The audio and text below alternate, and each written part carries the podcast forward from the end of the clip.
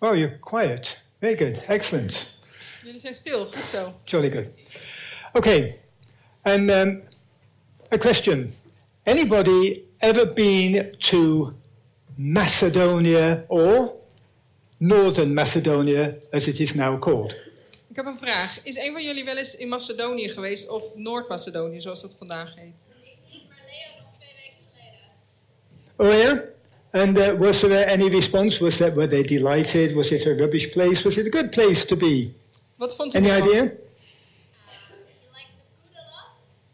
Je vond het eten lekker?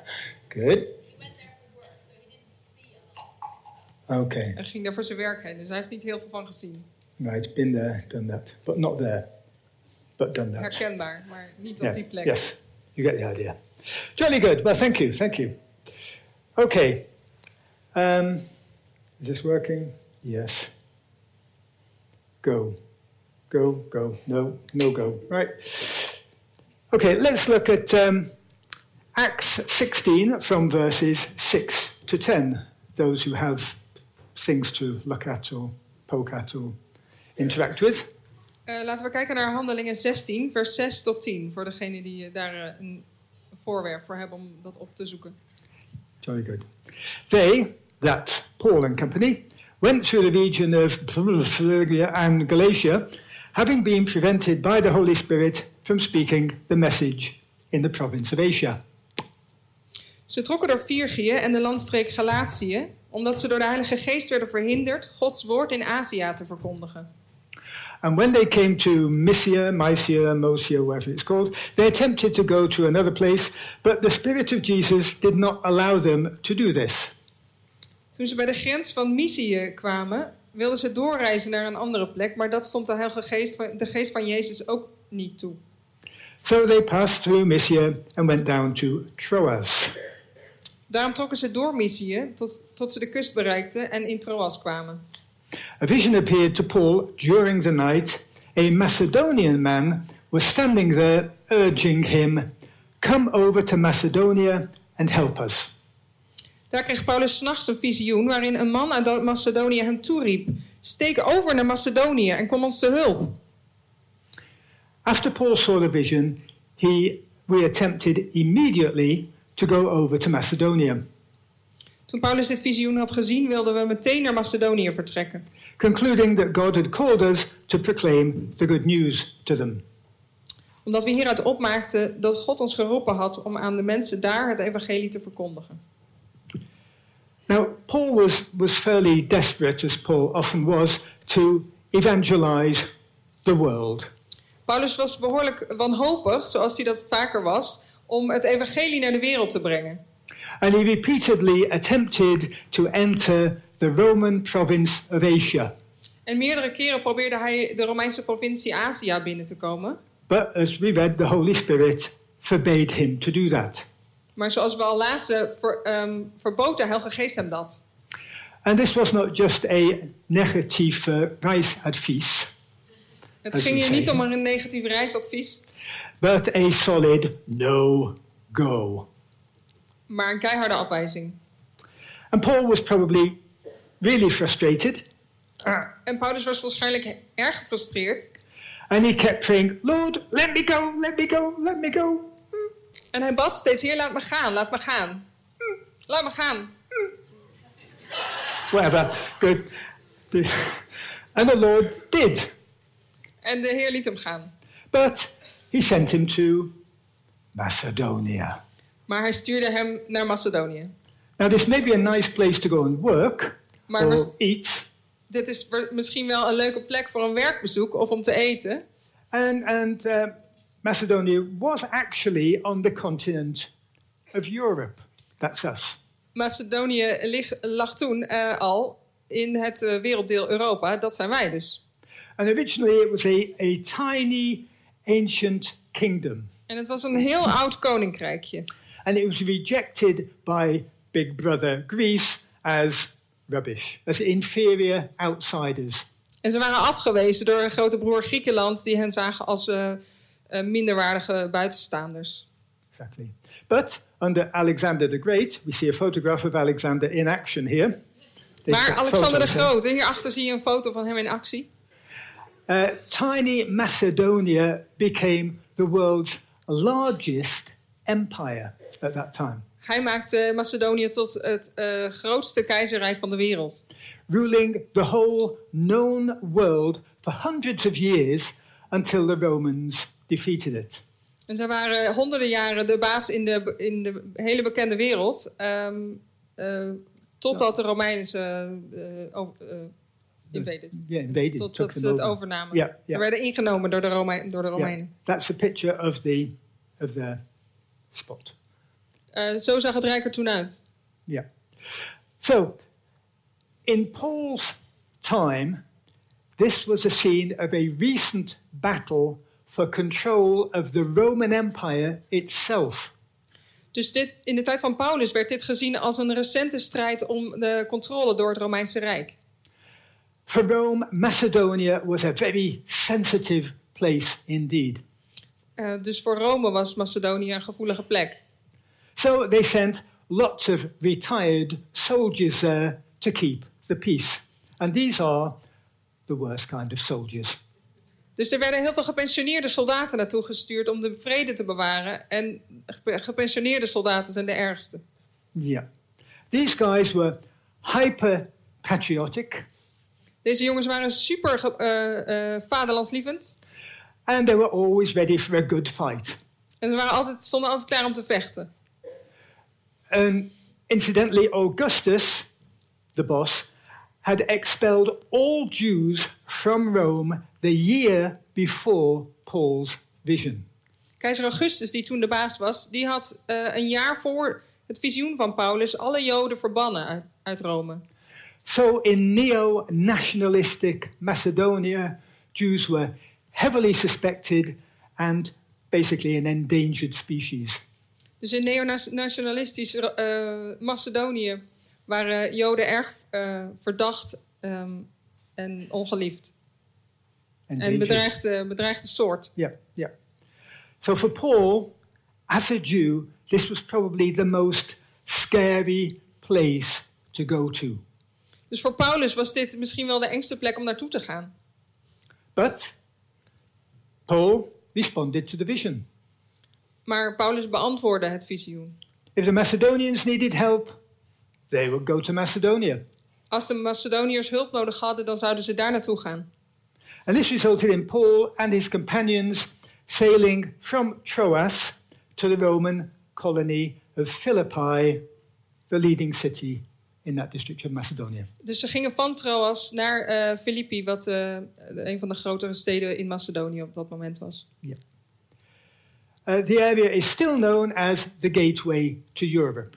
En die plek is nog, staat nog steeds bekend als de poort naar Europa. And up to that point in history, the gospel had only been preached in limited, been limited to Asia, only been preached in Asia. En tot die tijd was eh, het evangelie alleen nog maar verkondigd eh, in Azië.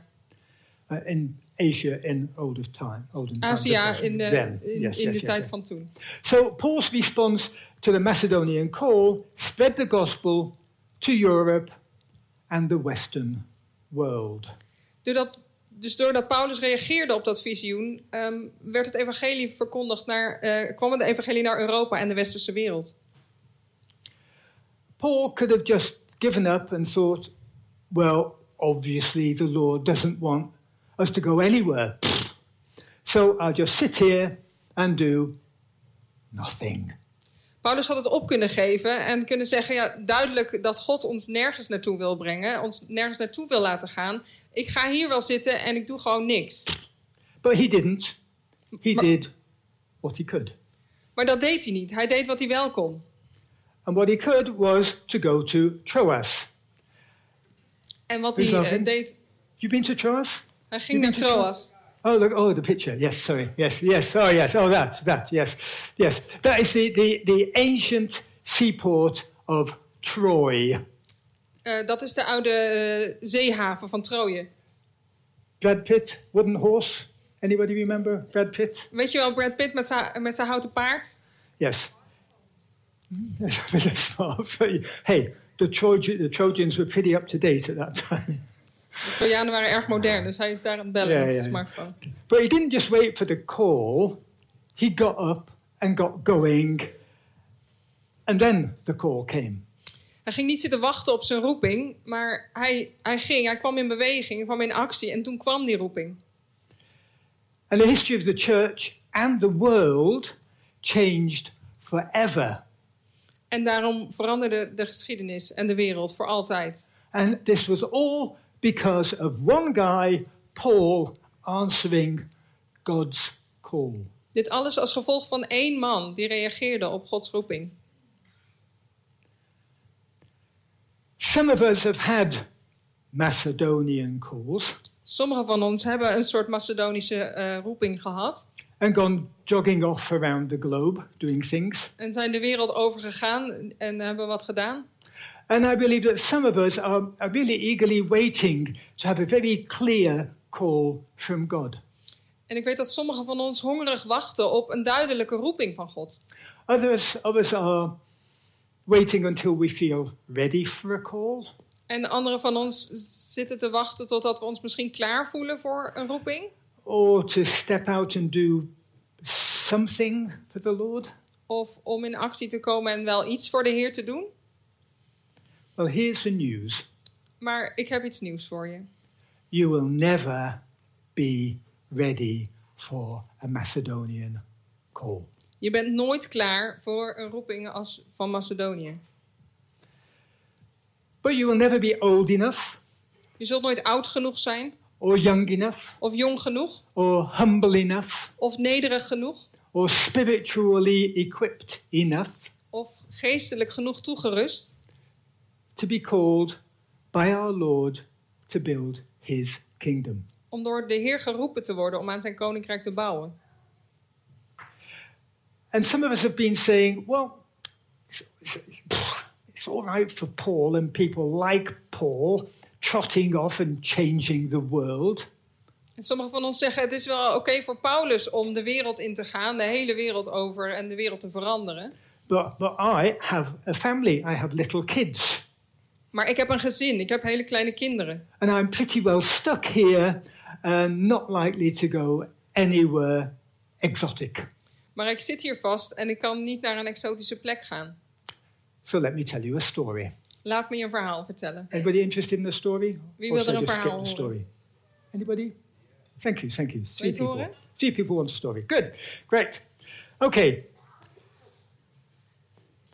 Nobody laugh. Nobody Niet laugh. lachen, niet lachen. I know the legs. I like it, but no, nobody laugh. Right. When he heard that Shirley and I were going to have our first baby, Toen hij hoorde dat eh, Shirley en ik ons eerste kind zouden krijgen, Shirley's dad, bless him, took me aside and solemnly told me something. eh, nam, hij mij, nam de vader van Shirley mij apart om me serieus iets te vertellen. And I can't do the accent, so won't. Ik kan zijn accent niet nadoen, dus dat zal ik niet doen. But he said, Well, Norman, you've both had a, a nice life and done some very interesting things. Hij zei, Norman, jullie hebben een leuk leven gehad en jullie hebben echt interessante dingen gedaan. But now it's all over. Maar dat is nu voorbij. he was serious. Hij was serieus. That life has ended. Dat leven is nu over. And it should have been dum, dum, dum, dum, dum, but it wasn't, but you get the idea. Right, that life has ended. But, but, before he was one year old, Maar voordat hij één werd, our first son, Justin, in the buggy, eh, not Ons- standing up, eh, was onze eerste zoon Justin, die in de buggy ziet zitten. Yeah. Um, Justin had flown 20 individual separate airplane flights. Before he was one year old, 20 flights. Was, was hij al twintig keer in het vliegtuig geweest. Eh, Twintig eh, afzonderlijke vluchten die hij had doorgemaakt voordat hij één werd. Mainly to the USA and around the Caribbean. Naar onder andere de Verenigde Staten en de, het Caribisch gebied. Uh, we had moved to the south of France before Justin was three We waren naar Zuid-Frankrijk verhuisd voordat hij drie werd. and planted a church there before he was five years old. En we hadden daar een kerk ge- geplant voordat hij vijf was. In the meantime, he'd got himself a brother and sister. En ondertussen had hij ook een broertje en een zus gekregen. So much for, oh, my fla- flashing on off. So much for that interesting life has come to an end. Dus eh, dat interessante leven was nog niet voorbij. To bring things a little closer to home, Om, dingen wat om het verhaal wat dichterbij te brengen. Colossians 3:23 says, Colossense 3, vers 23, daarin staat: "Whatever you do, work at it with all your heart as working for the Lord." Wat u ook doet, doe het van harte alsof het voor de Heer is. And we all have something we can do. En we, hebben allemaal iets wat we kunnen doen, al- iedereen. Bottom line is, our Lord calls us to do what we can with what we've got while we wait for the call. Het komt hierop neer. De Heer roept ons om iets te doen met wat we hebben, terwijl we wachten op die roeping. Because that call may be looking us straight in the face. Want die roeping staat misschien wel pal voor de deur. Give you a couple of examples, Ik geef je een paar voorbeelden just to embarrass a couple of people here. om hier een paar mensen in verlegenheid te brengen. Okay, anybody seen this? Heeft iemand dit gezien? Look at it. Yeah, you, I see a nod over there. Bless you. I see that nod. Yes, very good. So who's this? Wie zijn dit? Elson Dries. Very good. Very Good so. Very good. And Elson Dries, you may have not noticed, have got twins and a new baby. Misschien had je het nog niet gemerkt, maar Elsa en Dries hebben een tweeling en een baby. But they have noticed it. They have noticed this. Dat hebben ze wel gemerkt. Right. Um, they moved to Amersfoort, of all places. Ze zijn naar Amersfoort verhuisd. It's a problem. Anyway, and at Christmas, they opened up their home to lonely people En met kerst hebben ze hun huis opengesteld voor mensen die eenzaam zijn. And were surprised, shocked, whatever, to discover themselves in the newspaper. En ze waren nogal verrast toen ze in de, in de krant kwamen. You see, with all those young children, this is one very, very busy couple. Met al, al die jonge kinderen zijn ze echt al druk genoeg. But instead of just running around in circles like most of us would do, Maar zonder nodeloos druk te zijn, zoals de meeste van ons, they saw a need and opened up their home. Zagen zij een behoefte en hebben hun huis opengesteld. Good, eh? Goed hè? Okay, someone else. Nog iemand? Um, our very own Sarita van der Meer. Stand Onze- up and wave to the people, Sarita. Right, Onze eigen. Sarida van der Meer, die Okay, daar there you go. It's not merely, not merely, not just a proud grandparent, Is niet alleen een trotse oma, but the very active coordinator of a local cooperative which generates its own electricity. maar ook eh, coördinator van een organisatie die eh, hun eigen elektriciteit genereren.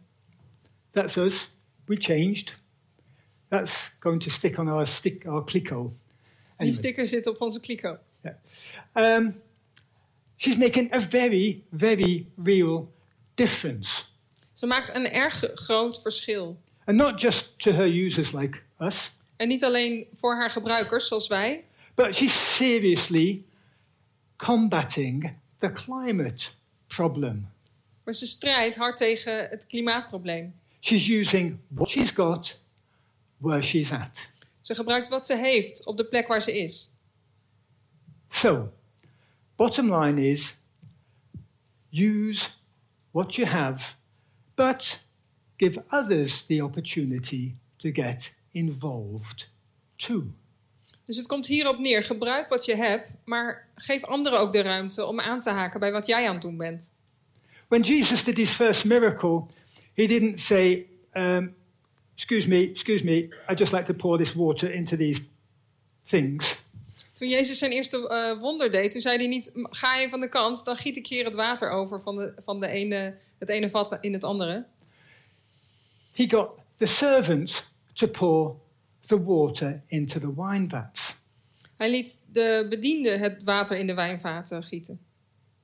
You see, he gave them the opportunity to share in his very first miracle. Hij gaf anderen de kans om te delen in dat eerste wonder. So find someone like yourself, some kindred spirit. Dus vind iemand net als jezelf, een verwante geest. Pray together, work together, build something together. Dus werk samen, bid samen en maak, maak er samen iets van. Or get involved in something that, or with someone who is going the same way that you want to go. Of raak betrokken bij iemand die hetzelfde doet of op dezelfde plek is als waar jij wil zijn. We're making this very, very practical. Just don't do it yourself. Get involved. That Maar- makes a difference. Maak het gewoon heel praktisch. Eh, raak betrokken. Dat maakt het verschil. But whatever you do, don't just sit around waiting. Maar wat je ook doet, ga niet alleen zitten wachten. And there's an maybe, maybe not such an interesting addendum as an addendum. As an Als een, addendum. eh, als een kleine toevoeging. There have been times in my life when the Lord has given me a call Er zijn tijden geweest in mijn leven waar de Heer mij een roeping gaf. and has maneuvered me into doing something which I felt completely and totally incapable of doing. En waar hij me op een plek kreeg waar ik me zo incapabel voelde en niet geschikt om dat te doen. And a couple of times it seemed so absolutely impossible that I prayed that the Lord would actually burn down the building it was going to happen in. I really did. En een aantal keren leek het zo onmogelijk dat ik zelfs bad dat de Heer het gebouw zou laten afbranden. That way I didn't need to do it because there was no building anymore. You get the idea. Zodat ik het niet meer hoefde te doen, want er was geen gebouw voor. Yeah. he never did. Never ever did. Dat heeft hij nooit gedaan, nooit. But he gave me the ability to do what he'd got me there to do. Maar hij gaf me wel de vaardigheid om te doen. And it was by his grace and his power and absolutely not mine. En het was door zijn genade en door zijn kracht, absoluut niet die van mij. So beware. When you answer the call, it may really not be an easy one. Dus pas op, want als je de roeping beantwoordt, is het misschien niet een eenvoudige ta- eh, taak. But he will give you the ability to carry it out. Maar hij geeft je de kracht om het uit te voeren. And you don't know, but it could have enormous consequences, even if it seems very small to you. En zelfs al lijkt het heel klein voor jou, weet je niet hoe enorm de gevolgen kunnen zijn. So, I suggest that we get together in groups of three or four Ik stel voor dat we in groepjes van drie of vier bij elkaar gaan zitten. and pray that the Lord will reveal what and where He has for us. En, ik- en dat we bidden dat, dat de Heer openbaart wat hij voor ons heeft. Either our Macedonia Ofwel ons Macedonië, or right here on our doorstep. of recht voor de deur. And for those who have a call, En voor hen die een roeping hebben, let those around us in the group bless that call laat ons in dat groepje diegene dan zegenen. and ask our Lord to open up the way for it to happen, En de Heer vragen om de weg te openen daar naartoe. the way to Macedonia. De weg naar Macedonië. And for those of us who are actually doing something, let the rest of us bless what they're doing. En voor degenen die al wat aan het doen zijn, laat de rest van ons hen dan zegenen wat ze aan het doen zijn. Sound like a deal? Sound okay? plan? Ja? Zullen we dat doen? Should we do that? Stand on all of our feet and gather into groups of several and pray.